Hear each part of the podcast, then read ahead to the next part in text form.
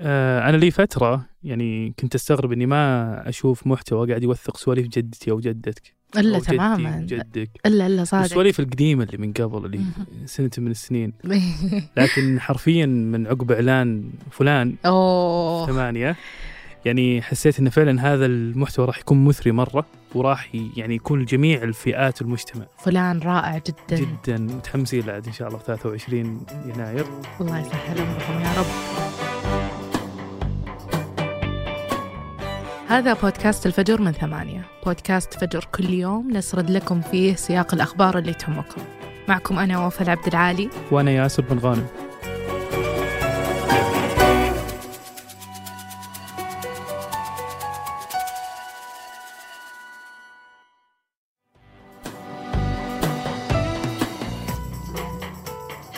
هالأسبوع استقبل الأمير محمد بن سلمان قائد الجيش الباكستاني الجديد عاصم منير. وبعد هالزيارة أعلنت السعودية عن دراسة تعديل قرارها قبل أربع شهور اللي كان استثمار مليار دولار في باكستان عشان يكون عشرة مليار ونفس الشيء مع القرار اللي كان قبل شهر اللي وقتها بقى وديعة السعودية بثلاثة مليار دولار في البنك المركزي الباكستاني وصارت الآن دراسة زيادته الخمسة مليار وتطوير التعاون الاقتصادي مع باكستان بهالمستوى يجي في الوقت اللي تعاني فيه باكستان من أكثر من مشكلة اقتصادية.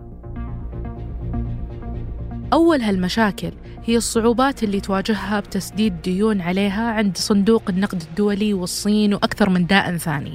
وبعد انخفاض احتياطيها من العملات الأجنبية الأقل مستوياتها من تسع سنين واللي يكفي لتغطية واردات باكستان الأقل من شهر زيادة على الفيضانات الكبيرة اللي صارت بباكستان بالشهور الأخيرة واللي يقول البنك الدولي إن خسائر باكستان الاقتصادية بسببها تجاوزت 15 مليون دولار This bridge in the town of Hassanabad collapsed after what's known as a glacial lake outburst released devastating amounts of water. والتعاون الاقتصادي بين السعودية وباكستان هو امتداد العلاقة طويلة بين الدولتين منها أن من بين ال 12 مليون وافد في السعودية أكثر من 20% منهم من العمالة الباكستانية وفي أحد أبحاث مركز بيو من بين شعوب 11 دولة بالشرق الأوسط أعلى تأييد للسعودية موجود في باكستان اللي أكثر من 95% من شعبها ينظر للسعودية بإيجابية.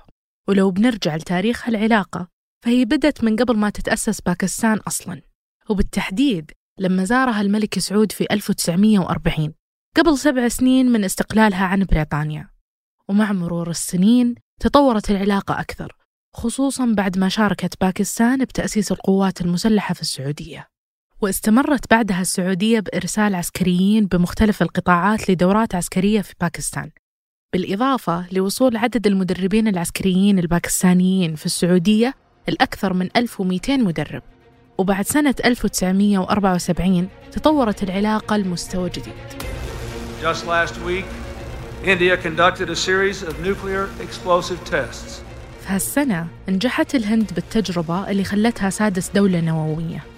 واللي بعدها على طول بدأت باكستان أبحاثها لتطوير قنبلتها النووية. وجزء كبير من تمويل هالبرنامج وتكاليف أبحاثه ومواده الأولية كان من السعودية. وبعد ما نجح البرنامج في 1998 بتحويل باكستان لسابع دولة نووية زارها وزير الدفاع الأمير سلطان واطلع على أحد مراكز تخصيب اليورانيوم في إسلام آباد. وبهالوقت صار التطور الأكبر بالعلاقة بعد ما غزا الاتحاد السوفيتي أفغانستان بنهاية 1979 By all accounts, the Soviet takeover was meticulously planned and skillfully executed. وصول الاتحاد السوفيتي وقتها لأفغانستان كان مصدر خطر الأكثر من دولة بالعالم وعلى رأسهم ثلاثة دول. الأولى أمريكا اللي كانت في حرب باردة مع الاتحاد السوفيتي وقتها. الثانية باكستان اللي كانت مهددة بوصول الغزو لها. والثالثة السعودية اللي تعتبر الاتحاد السوفيتي والشيوعية خطر عليها. وهالشيء طور العلاقات أكثر بين هالدول الثلاثة وأنشأ حلف بينهم لمواجهة غزو أفغانستان. أي دعم يروح مننا كأمريكان وسعوديين عن طريق باكستان للمجاهدين الأفغان ضد الغزو السوفيتي في أفغانستان وحتى بعد نهاية الحرب. استمر التنسيق بين السعودية وباكستان لمواجهة الجماعات الإرهابية اللي طلعت بسببها مثل القاعدة. ووصلوا لتوقيع اتفاقية دفاع مشترك بين السعودية وباكستان في 1992 لكن مع وصول عمران خان لرئاسة الوزراء في 2018 تغيرت السياسة الخارجية لباكستان كثير. ومنها تقاربها السريع مع إيران والصين وروسيا.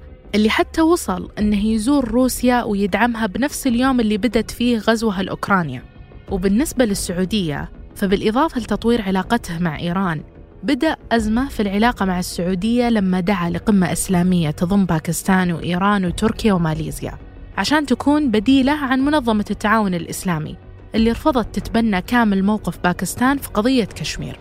وبعدها جمدت السعودية تسهيلات بنكية لباكستان بأكثر من 3 مليار دولار وطلبت رد مليار دولار من أحد القروض اللي أعطتها باكستان في 2018 لكن في 10 أبريل الماضي ولما لأول مرة سحب البرلمان الباكستاني الثقة من رئيس وزراء وبعدها وصل شهباز شريف المنصب عمران خان بدت علاقة باكستان والسعودية ترجع تتحسن. وخصوصا بعد زيارة رئيس الوزراء الجديد لجدة واللي كانت أول زياراتها الخارجية. واللي أكد فيها على دور السعودية بقيادة العالم الإسلامي وأهمية علاقتها بباكستان. وبعد هالزيارة تطورت فرص التعاون الاقتصادي والاستثمار السعودي في باكستان اللي يعتبر اقتصادها من أكبر الاقتصادات سريعة النمو ومتوقع أنه يكون من الأكبر في العالم خلال العقود الجاية. وقبل ننهي الحلقة هذه أخبار على السريع. في نيويورك قررت وزارة التعليم حجب تطبيق تشات جي بي تي تطبيق محادثة الذكاء الاصطناعي اللي اطلقتها OpenAI قبل أقل من شهرين واللي يبهر مستخدمينه بقدرته على الإجابة على الأسئلة بمختلف أنواعها. وقرار وزارة التعليم في نيويورك جاء بعد استخدام الطلاب له كوسيلة للغش وإنجاز الأشياء اللي كان مفترض هم يسوونها. وبمستوى ودقة ما تسمح بالتفريق بينه وبين أعمال الطلاب. وفي دراسة حللت خطوط ومسارات الطيران ب 2022 خط جدة القاهرة كان الأزحم على مستوى العالم بأكثر من 3 مليون و200 ألف مقعد. وفي هالمسار كان فيه تسع خطوط طيران مختلفة تشغل 36 رحلة طول اليوم. وبعده كان خط الرياض دبي بحوالي 3 مليون و100 ألف مقعد. ثم لندن نيويورك بحوالي مليونين وسبعمية ألف مقعد. وفي أعلى ست مسارات الرياض وجدة موجودين في ثلاثة منهم.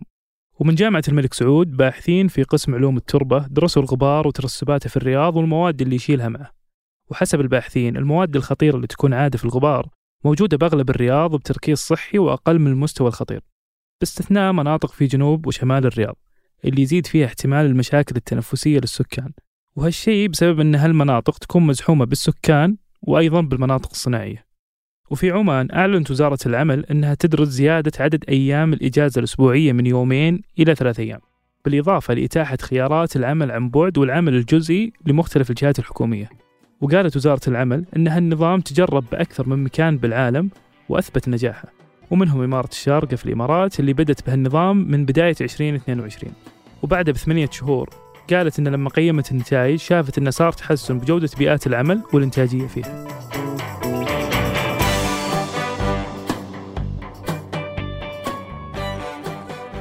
أنتج وراجع هذه الحلقة عمر العمران وقدمتها أنا وفاء عبد العالي. وأنا ياسر بن غانم. وحررها محمود أبو ندى. نشوفكم بكرة الفجر.